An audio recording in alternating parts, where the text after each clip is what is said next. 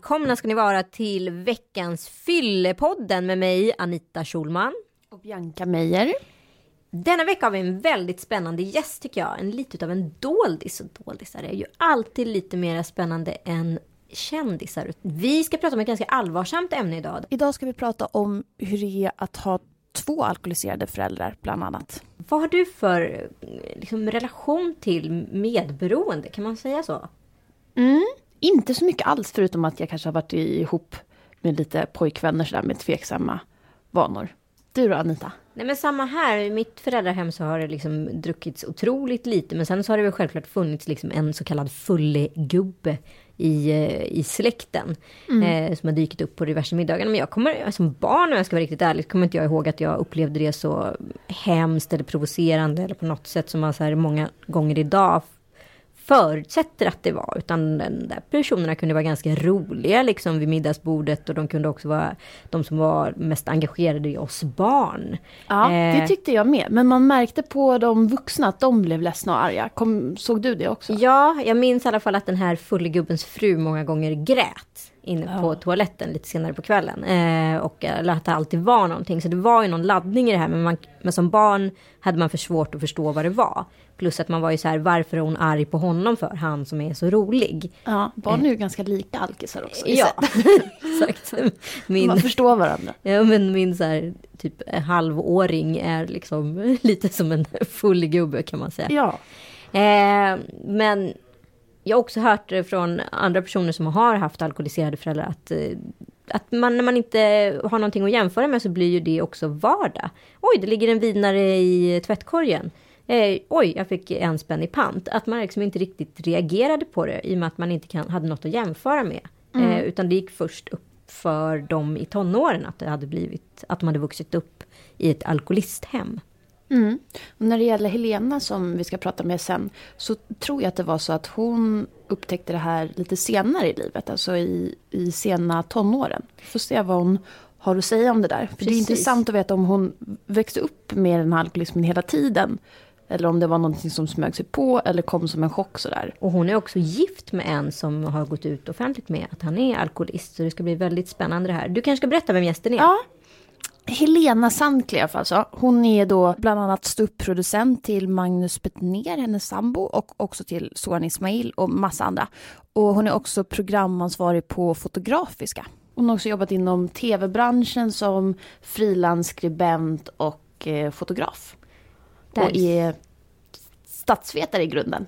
Just det, hon pluggar foto i USA och sen mm. jobbar hon också med Karin Adelsköld, eller? Just det, det gör hon just nu som producent på Karin Adelsköld bolag.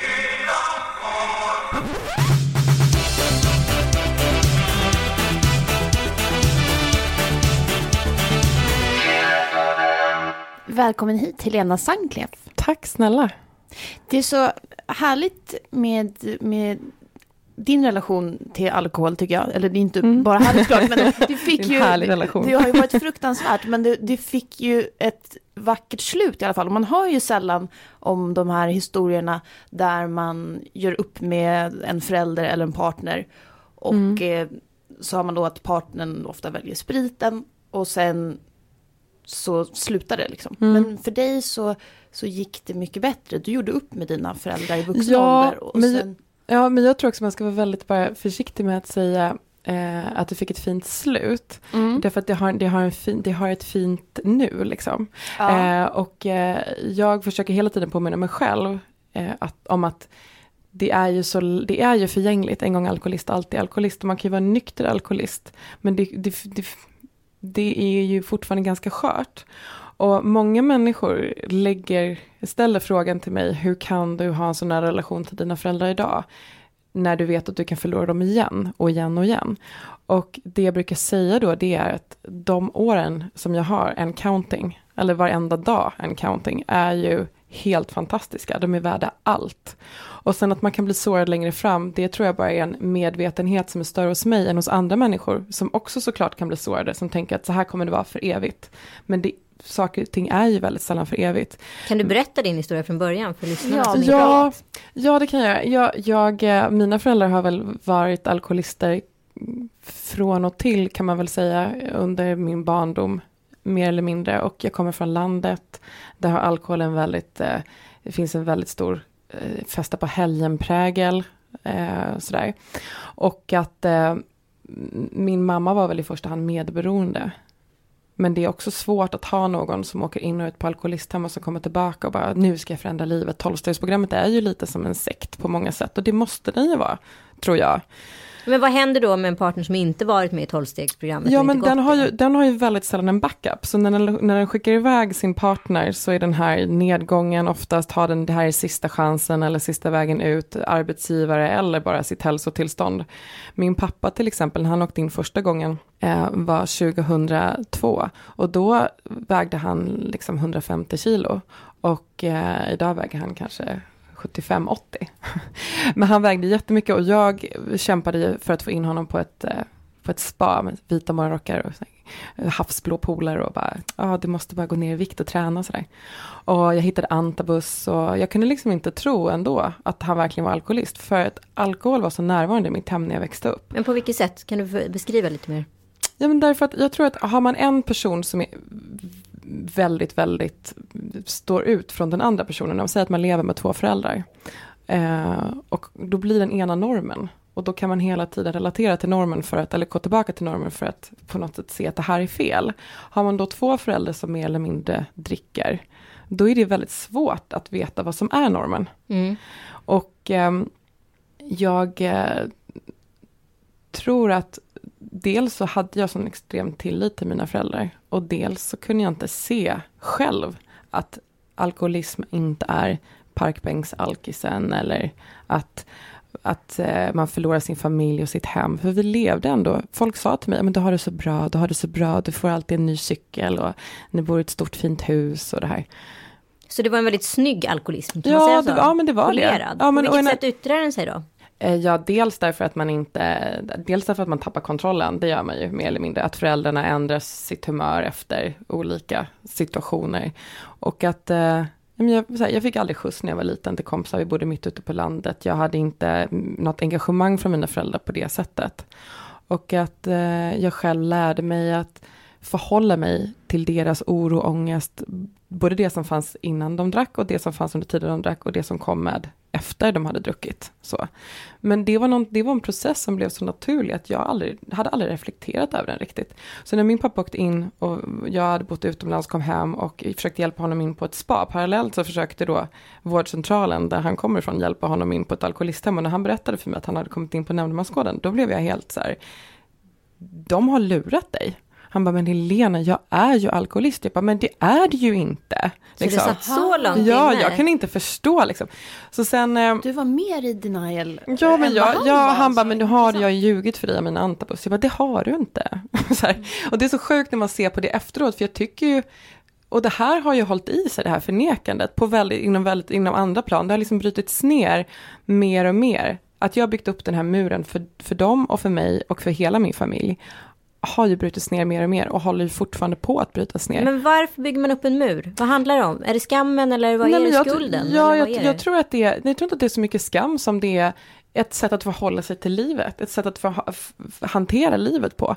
Och att, ett sätt att överleva? Ja, och att man gärna målar upp en bild av hur saker och ting är. Och det behöver inte alltid vara en bättre bild av hur det är, det kan bara vara en bild att så här är det. Och jag hade inte för mitt liv kunnat se att jag levde i en alkoholistfamilj. Så att, Men vad hade du för ursäkter då, när du aldrig kunde komma in och leka Jag hade inga ursäkter, mina föräldrar ville inte skjutsa mig. Så det var det enda liksom det men, var så. men såg några andra utifrån det här som inte du såg? Nej, det, jag hade en lärare på, gymnasiet, på högstadiet som var helt fantastisk. Som, eh, som liksom tog in mig och hjälpte mig och skickade mig till SOS och skickade mig vidare till BUP och sådär. Och då satt jag på mm. BUP i, i 45 minuter helt knäpptyst. Sen gick jag därifrån så tog jag bussen hem.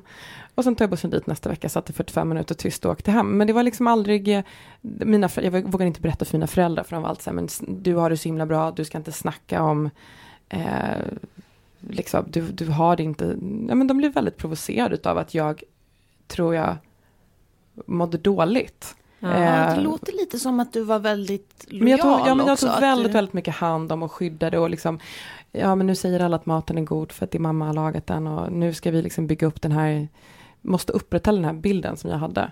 Så när min mm. pappa åkte in och sista, sista helgen innan så skulle han, han skulle åka in på söndagen och då hade han bestämt sig själv liksom, för att han skulle vara helt eh, att han skulle vara helt eh, nykter liksom, när han kom dit. Och det är ju väldigt svårt för någon som har druckit länge. Mm. Och eh, kvällen innan skulle han då dricka, vi var hemma, jag, min lillebror och min mamma. Han hade också flyttat hemifrån vid den tiden. Och ja, det var så hemskt att se honom fylla till där, liksom, nu är det sista fyllan jag tar. Så. Mm. Och sen på söndagen när vi skulle åka till, eh, eller på söndagen när han skulle vara nykter, då var han så här, ja och nu är det jobbigt för mig. Nu måste jag få liksom tända av så här. Och sen på måndagen, då skjutsade han mig, för jag pluggade i Lund samtidigt, så han skjutsade mig till skolan. Och då kom jag ihåg att jag bröt ihop och då gick jag till en kurator där. Mm. Och då sa han så till mig, ja för din pappa är ju alkoholist. Jag bara, nej det är han inte, kan du sluta säga det? Om du säger det en gång till så går jag härifrån. Så här, riktigt liksom skydda honom. Hon bara, fast vet du vad, jag tror inte att man skickar någon till nämndemansgården om de inte är alkoholister. Jag bara, fast det vet ju inte du. Du vet ju inte det. Och då kände jag så här, oh my god, vad är det som har hänt egentligen? Och vad är det som håller på att hända? Och då, ehm, jag kommer ihåg att jag åkte hälsa på min pappa, han var fortfarande lite i sådär, jag var den enda som åkte dit och han var fortfarande lite i förnekelsestadiet och bara, ja, det har inte varit lätt heller liksom, att ni har inte varit de lättaste barnen och, och så. Det har ju varit tufft också, man som förälder. Ni har inte varit de lättaste barnen. Nej, men han sa något sådär, och detta var, detta var första gången han var inne, mm. och det var första liksom veckorna. Och uh, han bara, nej det är svårt att vara förälder och man blir stressad och det är jobbigt med pengar och det är jobbigt med eh, jag menar att leva upp till sina egna förväntningar och sådär. Och jag bara, ja jag förstår, förstår. Och sen när han kom hem och min mamma var så här, åh nu kom han hem och nu mår han bättre och då kan vi fortsätta ungefär som det var innan fast några steg tillbaka. Eh, men han var ju helt, jag ska köpa ett litet, litet torp och bo utan vatten och el för nu måste jag bara hitta mig själv, lite sådär. Mm. Så var det kanske någon vecka, men som jag kan förstå, när man har varit innesluten på en liten gård i Skåne och sen kommer ut och bara jobbat med sig själv och så kommer man ut därifrån efter en månad. Klart att det är svårt att bara, här är din verklighet som den var innan och det här är din verklighet nu. Det finns ingen mm. övergångsfas där. Nej, man kommer hem som en ny person ja, och så precis. är man ingenting annat som är nytt. Det Nej. måste vara en otroligt förvirrande situation. Ja, men verkligen. Ja. Men är så... inte nästan rekommendationen att man ska flytta eller förändra någonting Jo, det är det ju. Men det roliga var att andra gången min pappa åkte in, för att sen så sa han så här att de säger att en promille ungefär kan, kan dricka. En promille av alla alkoholister kan dricka utan att falla till, alltså och mm. klara att dricka med sin alkoholism. Mm. Det är lite ny skola också ja. nu där Riddargatan 1 med den här läkaren Sven Wolin som ja. börjar... Och då var det ju det så här, han bara nappade på det direkt, där är jag, mm. såklart. Mm. Ja. Och sen så åkte han in ett år senare igen och sen så um, men hur, får jag fråga, för att det är, så, det är för mig som inte har haft liksom berusade föräldrar, alltså vad, för föräldrar kan ju tycka ganska snyggt kan jag ja. tänka mig. Var någonstans fattade ni att okej, okay, men nu har ju han spårat igen?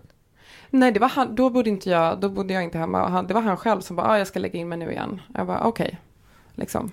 Och jag kommer ihåg när han berättade att han skulle börja dricka, att han trodde att han hörde det till den promillen, då sa han till mig att, eh, då kände jag så att, ja men det måste ju få vara hans val. Så, det var aldrig så att jag gjorde protester, jag tänkte så här, bara du mår bra, liksom, bara jag får ta hand om dig. Och fortsatte din mamma dricka även fast han var Ja, det gjorde hon, och då blev det, så att, ja, hon fick, han tyckte så här, ja men jag kan dricka alkoholfritt vin och du kan dricka annat vin så kan vi försöka hitta någon bra kombo. Men sen så parallellt med detta så kom ju saker som, som på landet till exempel, mina föräldrar var de första som jag vet, deras med omnejd som kom ut som alkoholister. Eller min, min pappa då. Först, första gången han var inne på Nämndesgården skulle vi alla säga att han låg inne på Lunds lasarett, för, eller Lunds universitetssjukhus, för att han hade fått problem med hjärtat. Mm. Och då var det jag som ändå sa, nej men han ligger på Nämndemansgården, sådär. Eh, men sen när han kom tillbaka var han väl lite mer så här, ja jag kan stå för det här. Och också att han kunde stå för när han trillade dit igen. Men jag tror en sak som man ofta glömmer det är att deras vänner kunde vara så här, ja men gud hur bjuder man in en alkoholist på middag? Jag menar vi är ju ändå så, fredag och lördagar då ska man ju supa till det, det gör man ju. Får man sätta vin på bordet eller får man inte det? Ska vi vara nyktra då? Nej, äh, vi, vi struntar i att bjuda dem bara. Och det ja, drabbade ju såklart min mamma också att folk vänder sig bort från dem för de vet inte hur man ska tala om det. Och bara, ja, men komma ut som alkoholist, herregud vi alla dricker väl, liksom tar några öl för mycket ibland. Mm. Ja det är väldigt många som säger, ja men han har väl bara ett dåligt ölsinne, vad ja, är problemet? Precis, och att folk då, men alko- ja och alkoholist bara, men har du bott på parkbänk eller? För det är den enda mm. bilden de också mm. kan se, de kan inte riktigt få ihop det och det är mycket lättare att inte fråga då. Mm. Mycket lättare att bara strunta i det. Jag antar att din pappa då hade fungerande jobb och liksom skötte sig. Ja, han har jobbat hemma, eller han har eget företag uh -huh. hemma, en bilverkstad och är väldigt så här, populär och anlitad och väldigt så här, omtyckt liksom. Så att han, det bara fortsatte sen. Så han tog som ledigt och sen fortsatte han när han kom tillbaka. Ja, men då är det inte heller, han skötte jobbet och han, ja, det, var, det, finns allting. liksom väldigt långt från parkbänks ja, alkoholberoende väldigt, så att väldigt säga. långt. Men sen så åkte min pappa in igen och sen så efter det så um, funkade det väldigt tag skulle jag säga. Men, eller under några år när jag verkligen tog, tog deras ord på allvar när de sa att de inte drack. Men min mamma drack parallellt och det var ju sådär när vi, jag kom dit och hälsade på så sa hon, men kan inte vi ta ett glas vin? För då ville hon ha någon att sitta och ta ett glas vin med. Mm. Och då kunde jag känna att den miljön var helt fel. Samtidigt så förstår jag hennes, förstod jag hennes situation också. Det är väldigt svårt när man aldrig, hon blir så väldigt begränsad i hans mm. alkoholism. Uh, och det tog väl ett tag innan jag, jag vet att jag åkte dit och hälsade på dem och då var hon, ehm, var hon väldigt, väldigt eh, mådde hon väldigt, väldigt dåligt. Och jag kunde, och min pappa var så här, nej men det är ingen fara, hon vill bara sova lite extra och hon har haft det tufft på jobbet och sådär. Och eh, när min sambo kom dit och, och jag bara, du måste prata med henne för hon, hon vill inte prata med mig liksom. Så var han med henne kanske i två, tre minuter och sen så, han bara, Helena hon är jättefull. Jag bara, är hon? Mm. Ja men det ser inte du det? Och då hade han pratat med mig ett halvår innan och sagt att jag tror att din mamma också är alkoholist. Jag kommer ihåg vi satt på en bro och det var vår. Och, och jag satt där och bara, snälla inte den här grejen igen. Hon är inte alkoholist. Hon kanske har problem och hon har svårt att anpassa sig. Hon är medberoende men hon är inte alkoholist. Och nu idag när jag kan se tillbaka på alla de här grejerna. Alla stadier av förnekelse. Mm. Men hur, hur bestämd man är. Jag såg det aldrig som, ett förnek äh, som en förnekelse. Ni vet ibland när man kan övertyga sig själv. Mm, mm. Utan jag bara. Det är, du har fel, punkt. Jag vet att du har fel, punkt. Så när han kom och han bara, men hon är jättefull, har du inte sett det? Och den här, då blev jag så här, det var så fruktansvärt pinsamt. För att, Men blev du arg på din partner då? Nej, nej, då, då insåg jag att hon var full och då blev jag så här, alltså gud, du måste tro att jag, vi har varit tillsammans i många år, men mm. du måste ju tro att jag, jag är ju inte dum i huvudet. Och den här grejen att jag kunde inte se första gången min pappa åkte in, jag kunde inte se när min mamma faktiskt var full, jag kunde inte se, det bara upprepar sig. Och jag tycker att jag är en smart person som kan känna av andra människor. Och jag, tycker, men jag var så innästlad i det, jag kunde inte ställa mig utanför. Och, ehm, och då blev det liksom värre och värre och värre och vi bröt kontakten, jag och min bror och det blev ännu värre och det... Blev det då när, att när du verkligen insåg att de var alkoholister, att det var då du bröt kontakten? Men varför bröt du med din bror? Förlåt. Nej, jag och min bror bröt kontakten ah, med okay. dem. Ja. Så, det, det lät som att ni hade bra kontakt under ja, hela din uppväxt. Ja, men vi hade det och sen blev det bara värre och värre. Då blev jag liksom för första gången väldigt, väldigt arg på dem och kände så här, men nu måste ni sluta och ni har två barnbarn vad håller ni på med liksom? Eh, och min pappa förlorade körkortet för att han fick som ett epilepsianfall. Mm. Eh, vilket skulle visa sig inte alls vara epilepsi, det bara tar sig samma uttryck. När man har druckit under väldigt lång period mm. och sen slutar tvärt och bara nu går jag cold turkey. Det klarar få kroppar av och då yttrar det sig som epilepsianfall. Så han hade, fått kramper, det, ja, han hade fått det och kört av vägen och blivit av med körkortet och de gjorde sig nya epilepsitester då. Så han blev av med körkortet i tre månader. Mm. Så det var inte för alkohol eller någonting. Men när han fick tillbaka det, det var hans morot och han bara snart får jag mitt körkort och det ska bli så bra och då kommer jag må så bra igen. Så där.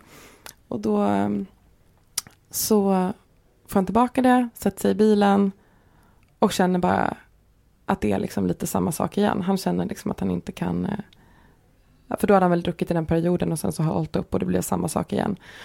Och kände bara nej, och då gick det ut, utför därifrån. För att han hade, det är hans liv, bilar, han har tävlat, han, har, han jobbar med bilar, han eh, bygger bilar, han liksom. Så att då var det på något sätt som att hans sista lilla gnista försvann. Och min mamma drogs ner mer och mer. Och den här onda spiralen är ju så himla tydlig också. Man får ångest på morgonen, det är lätt att bedöva det och sen så fortsätter det. Um, och då vet jag att um, hans, uh, hans uh, kompis, det var, det var, så många som hände, det, liksom, det eskalerade mot slutet där. Och hans, deras vänner ringde mig och alla var oroliga och sådär. Och jag råkade, de bor i Halland, jag råkade befinna mig där, för jag jobbade. Och så var det någon som hörde av sig, någon av deras gamla kompisar och sa Helena de har alltid ställt upp så mycket för dig, jag fattar inte ni bara kan lämna dem i skiten. Nej, du och din skojar. bror har brutit och sådär. De ringde och skuldbelade? Ja, alltså. de skickade, jag kommer ihåg att de skickade ett mejl och jag kände sådär, det är helt otroligt hur någon för då var jag precis i en process när saker och ting började uppdagas. Mm. När jag kunde se att gud, det här var ju inte normalt och det här var ju inte normalt och gud, jag måste ha druckit då och det där var ju inte så bra. Ja, och du hade ju gått med det här så länge också. Ja, så då var jag så här, då var det vansinnigt. Så jag kommer ihåg att jag, jag bodde på hotell i Göteborg, jag vaknade på morgonen och bara nu ska jag åka dit och bara göra upp med dem. Nu ska vi göra upp. Och det är faktiskt exakt tre år sedan idag. Är det sant? Ja. Oj! Det, vilken vi, ära! Ja, ja, så det är tre år sedan idag. Och eh, vi åker dit på morgonen och jag bara så här, alltså bara, ni vet så här, nu jävlar så mm. lyssnar ni på mig, tänker så här, som man alltid tänker, nu kan jag tala dem till rätta. Och då när vi kommer dit så är det så ödsligt skimmer över hela det huset och hela området. Det är alltid så mycket liv och det är så fint och det är så här, eh, mycket växter och mycket folk och sådär. Och då, så när jag öppnade dörren, då låg min pappa där på golvet eh, ner med ryggen mot dörren i hallen. Och eh, hade blåmärken som var från olika, olika gamla, liksom, som att man såg att det var, vi har fått vid flera olika tillfällen. Och när jag klev över honom, då var det precis som att mitt liv stannade. För det fanns ett före och det fanns ett efter.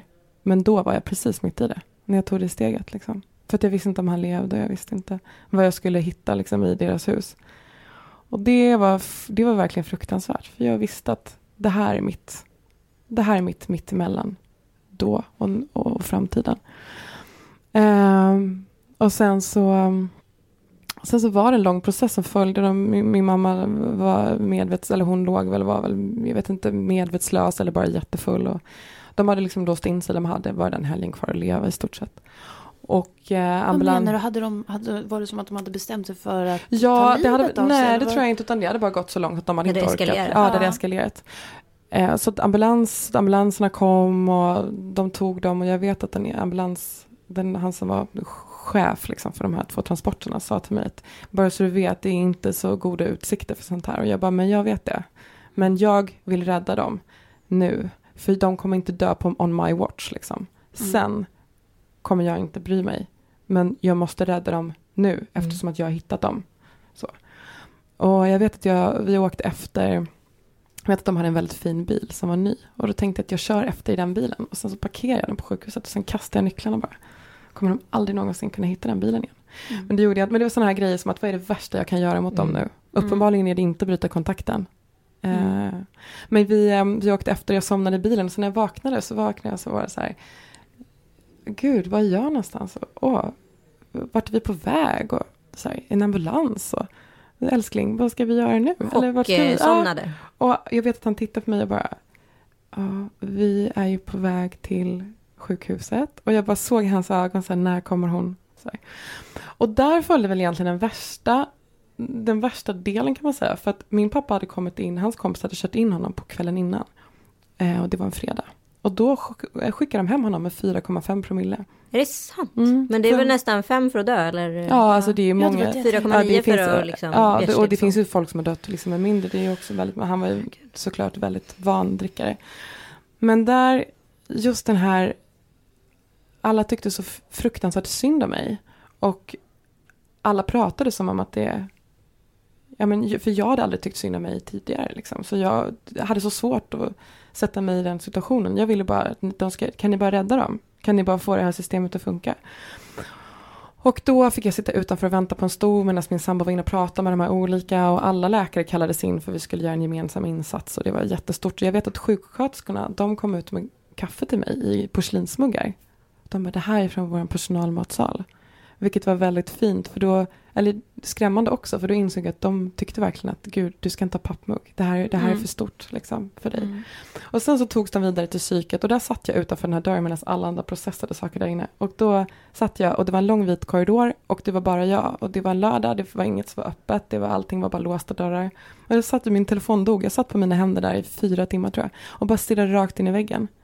Och så vet jag att det var en, en dörr öppnades, det kom ut en tjej i en vit sjuksköterska, eller vit eh, så här sjukhusdräkt. Och en eh, skötare som öppnade och sa, ja men du skyndar dig tillbaka, var bara borta en liten stund. Och hon bara, ja men det är klart, det är fotboll snart. Jag kommer tillbaka strax. Så satte hon i sina vita så här, hörlurar, iPod-hörlurar och bara gick iväg. Så dansade hon, hon såg inte att jag satt där. Och bara dansade till musiken i sina hörlurar i korridoren. Hon bara försvann längre och längre bort. Jag bara, det där är jag liksom. Och bara försvinner bort. Där försvinner det här oskuldsfulla jag. Där dansar mm. jag bort. Sådär. Men, um, och sen var det en massa turer med SOS och så vidare. Och jag löste allt det där. Så att de kom in på varsitt hem och min pappa hamnade i en sån här deliriumfas. Vilket betydde att han inte kunde prata, inte kunde gå och tappade minnet. Medan min mamma fick jag iväg på ett annat hem och min pappa skulle de hitta ett ställe där han där de kunde ta hand om honom rent fysiskt också. Och sen eh, så pratade jag med dem i telefon och spydde så mycket typ svart magma. Det var liksom som att det bara kom i min mun. Så mm. Det finns en serie som heter Karneval där det kommer så här, när det onda och det goda och när det onda kommer ur munnen. Lite så var det. I typ tre dagar och sen var jag färdig. Och sen bröt vi. Så bara, ni får gärna dö nu. Liksom. Nu är jag klar. Mm. Och vi bröt på ett väldigt fint sätt för det var, fanns inga det var inte så här att jag var väldigt medveten. Det finns en trend i också att ja, jag ska inte ha mer att göra, jag bryter. Sen blir man vänner igen och så bryter man. Så mm. man för mig var det så, jag visste hela tiden att vi kanske aldrig kommer att höras igen. Jag måste vara villig att ta den risken. Och det tog jag. Och sen så, de var jätterespektfulla i det. Och hörde inte av sig och frågade om de fick smsa på min dotters, eller om de fick ringa till min dotter på hennes födelsedag. Och, det var jätte, jättefint. Och sen träffades vi. Och eh, det var sånt där otroligt möte som jag aldrig kommer glömma. Vi träffades ett halvår senare. Och eh, sådär. Jag sa till dem att jag måste alltid kunna få ta upp och prata om det. Och de sa att ja, det kommer du alltid få göra. Mm. Och sen dess har jag fått ett par människor i mitt liv som jag aldrig någonsin trodde att jag skulle få. Helt otroliga. Och båda är friska idag? Ja. Och de har så mycket energi. Och jag, min mamma sa det till mig häromdagen, för de var här och hälsade på. Hon bara, alltså det är så konstigt att jag är 65 alltså. För att jag känner mig som 50. Och jag bara, men det är inget konstigt, för när du var 50, mm. då var du ju som 65. För du var ju Just såklart det. inte alls lika kapabel och mobil. Och, och de har så mycket energi och jag märker det på min mamma också, att hon, hon engagerar sig i sociala medier, hon har Instagram, Facebook, Twitter.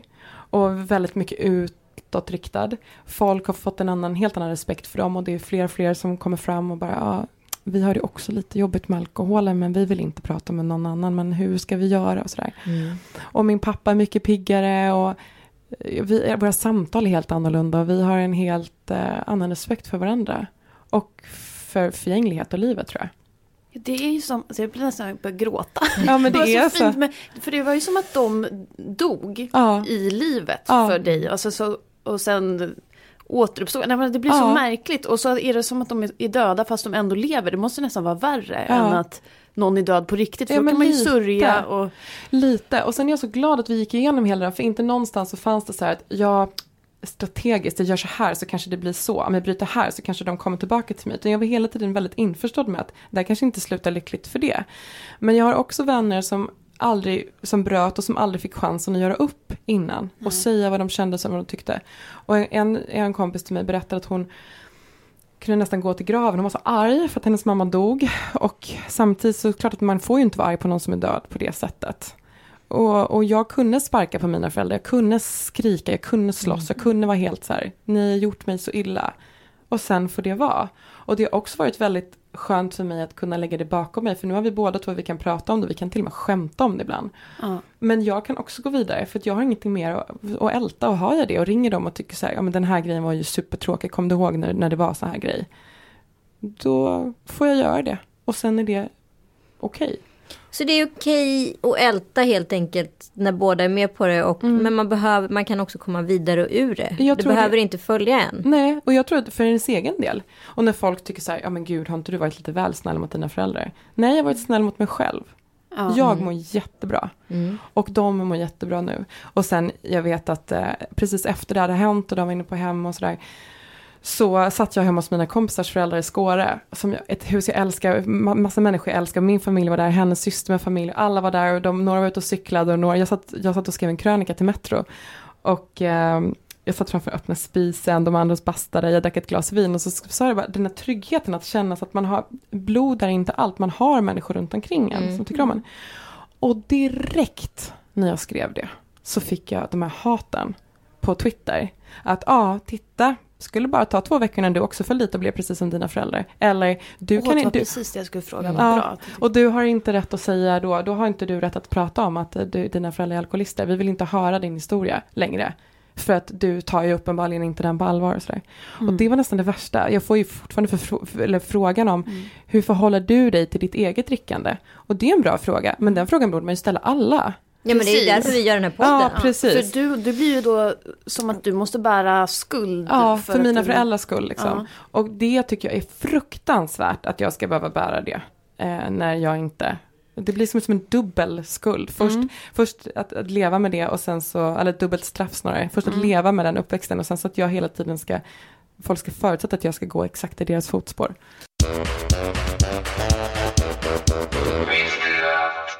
Cirka 13 procent av svenskarna, ungefär 100 000 personer, anses ha riskabla alkoholvanor. Med detta menas en alkoholkonsumtion som ökar risken för att skador uppstår till följd av den. Definitionen av riskbruk kan skilja sig från land till land, men i Sverige är den följande. Mer än 14 standardglas per vecka för män och mer än 9 standardglas per vecka för kvinnor. Ett standardglas innehåller 12 gram alkohol och motsvarar 33 centiliter starköl, 12 centiliter vin och 4 centiliter starksprit. En annan typ av riskbruk är så kallad intensivkonsumtion. Och med detta menas att man dricker stora mängder alkohol under ett och samma tillfälle. Intensivkonsumtion innebär mer än fyra standardglas vid samma tillfälle för en man och mer än tre standardglas vid samma tillfälle för en kvinna. Det är så gott som omöjligt att beräkna exakt hur många som missbrukar alkohol. Det finns dessutom många olika begrepp för att definiera en problematisk alkoholkonsumtion. Några av de som förekommer är alkoholberoende, alkoholist, alkoholmissbrukare, storkonsument, riskkonsument och alkoholproblematiker. Vad som definierar var och en av dem skiljer sig dessutom mellan olika bedömare och svaret blir därför i hög grad beroende av hur definitionen görs. Medicinska och samhällsvetenskapliga traditioner definierar ofta på olika sätt. Behöver man dricka en viss mängd alkohol per dag, uppvisa vissa sjukdomssymptom eller ha sociala problem av drickandet för att klassas som alkoholist till exempel. En siffra som ofta förekommit i olika statliga utredningar är cirka 300 000 alkoholmissbrukare. Av dessa bedöms mellan 50 000 och 100 000 vara tunga alkoholmissbrukare. Skattningarna är osäkra och ibland saknas närmare beskrivningar av hur definitionen av alkoholmissbruk har gjorts, även om man ofta avser en konsumtion som påverkar personernas hälsa och sociala liv. I betänkandet Personer med tungt missbruk görs en skattning av antalet personer med tungt alkoholmissbruk för perioden 1998 till 2003. Skattningen gjordes utifrån Socialstyrelsens patientregister. Mellan åren 1998 och 2003 antogs antalet tunga alkoholmissbrukare öka från 76 000 till 80 000. Skattningarna är osäkra och ibland saknas närmare beskrivningar av hur definitionen av alkoholmissbruk har gjorts, även om man ofta avser en konsumtion som påverkar personernas hälsa och sociala liv. Enligt Socialstyrelsens statistik över dödsorsaker för 2012 dog 1490 män och 422 kvinnor i någon alkoholrelaterad diagnos. Det här motsvarar cirka 30 män och 8 kvinnor per 100 000 invånare. Alkoholrelaterad dödlighet drabbar alltså män i långt högre grad än kvinnor. Med alkoholrelaterad dödlighet menas dödsfall där alkohol eller en alkoholbetingad organskada nämns i dödsorsaksintyget. Antingen som underliggande eller bidragande dödsorsak. Utöver de dödsfall som fångas upp av de direkta alkoholrelaterade diagnoserna tillkommer enligt forskningen på området ett stort antal dödsfall med andra diagnoser.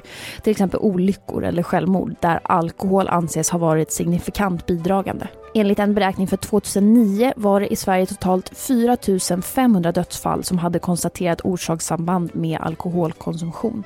En sammanvägd analys av ett flertal europeiska studier om alkoholkostnader gjord 2006 genererade uppskattningen att alkoholens samhälleliga kostnader kunde sägas utgöra omkring 1,3 procent av ett lands BNP. Tillämpas denna skattning på svenska förhållanden skulle det ge en samhällskostnad på cirka 45 miljarder för 2012.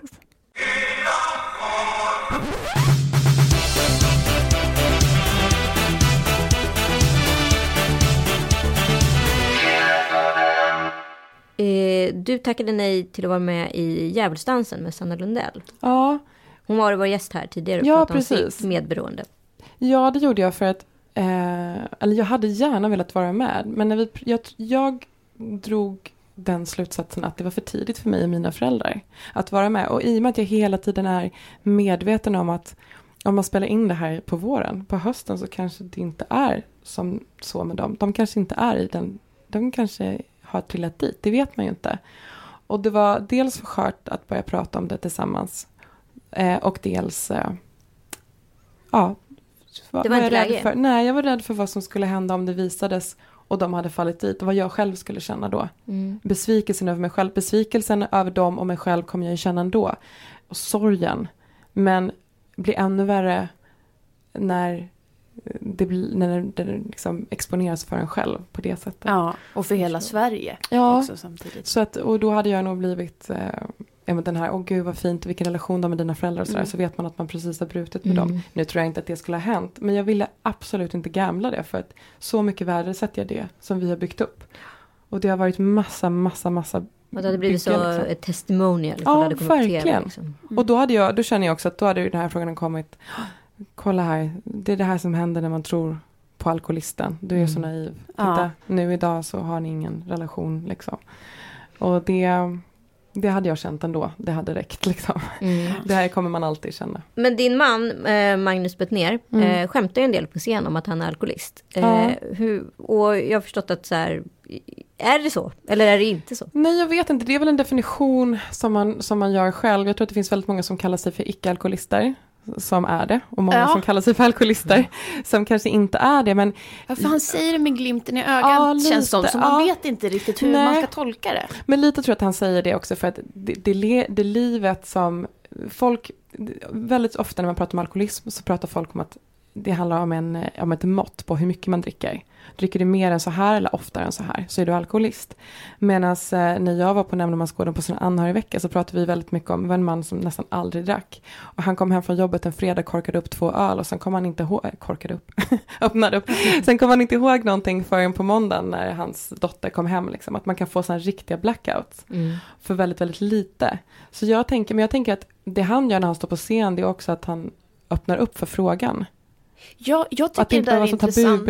Mm. För att eh, det, är- det är så jag tolkar också. Man Mm. skulle ju kunna anklaga honom för att glorifiera liksom, att han är coola killen och står på scen Mm. och säga att han är alkoholist. Men jag tolkar det mer som att han liksom, ja men jag lever ju i princip som en alkoholist. Alltså var, Ja. var drar man den gränsen? Precis, och jag tror att han öppnar upp för att väldigt många tycker det är, är coolt att ställa sig den frågan själv kanske. Ja, Snarare än att man bara, åh, jag vill också vara alkoholist. För att det är fortfarande ett så tabubelagt ord. ja. Eh, så att eh, om, man, om man kan börja använda det mer så att det är lite mindre skam runt det. Så tror jag Mm. att folk kan säga det mer och söka hjälp på ett annat sätt. ja. Eh, Men det är ju fortfarande väldigt svårt, alltså den här självsaneringen och självtvätten som Ja. man ständigt liksom, det är ju nästan en överlevnadsstrategi för människan. Så att det är så ganska, det är mycket svårare att erkänna för sig själv att jag har alkoholproblem än att säga, se det andra ja. eh, sättet. Men det är just därför vi gör den här podden, det som är så viktigt att så här, kunna våga ifrågasätta sig själv och kanske se på sitt sammanhang, sin omgivning etc. Gud, vilket super, super spännande program tycker jag Ja. det här har varit. Mm. Min långa, långa historia. Ja, men eh, så viktig historia. Ja, jag jag, tror eh, jag tror många kanske så här, känner igen sig där. Och också, det finns ju en viss mått av stigmata runt det här med medberoende. Även om det lyfts upp på bordet så finns det så här, det finns inte någon typ av skam, inte jag. Och att det känns som att alla eh, medberoendehistorier många gånger så här kanske slutar sorgligt på något sätt. Men Mm. att Och att kan bra. man får säga så här, det slutade, för mig så är det väldigt, väldigt bra. Och jag behöver inte skämmas över det. Nej. Nej. För att jag kan stå för det och det är ingen som kan komma och säga till mig att du borde inte vara så snäll och öppna upp för dina föräldrar. För det vill jag göra. Det, är inget, det finns inget självändamål i att straffa någon om man själv mår dåligt. Eh, Du fick både skit när du straffade dem, eller vad Mm. man ska säga, när du bröt kontakten Mm. och, nu- och nu Från då för att du är olika för snäll. parter Ja. tror jag. Så. Mm, Superviktigt. Väldigt kul att höra. tack. Tack, Tack snälla! Och Tack vill vi ni veta mer om eh, IQs arbete så gå in på iq.se. Där kan man också göra alkoholprofilen på sig själv. Och det här är sista programmet för säsongen men vi är tillbaka i december med tre julprogram. Så vi hörs då. Ha det så bra!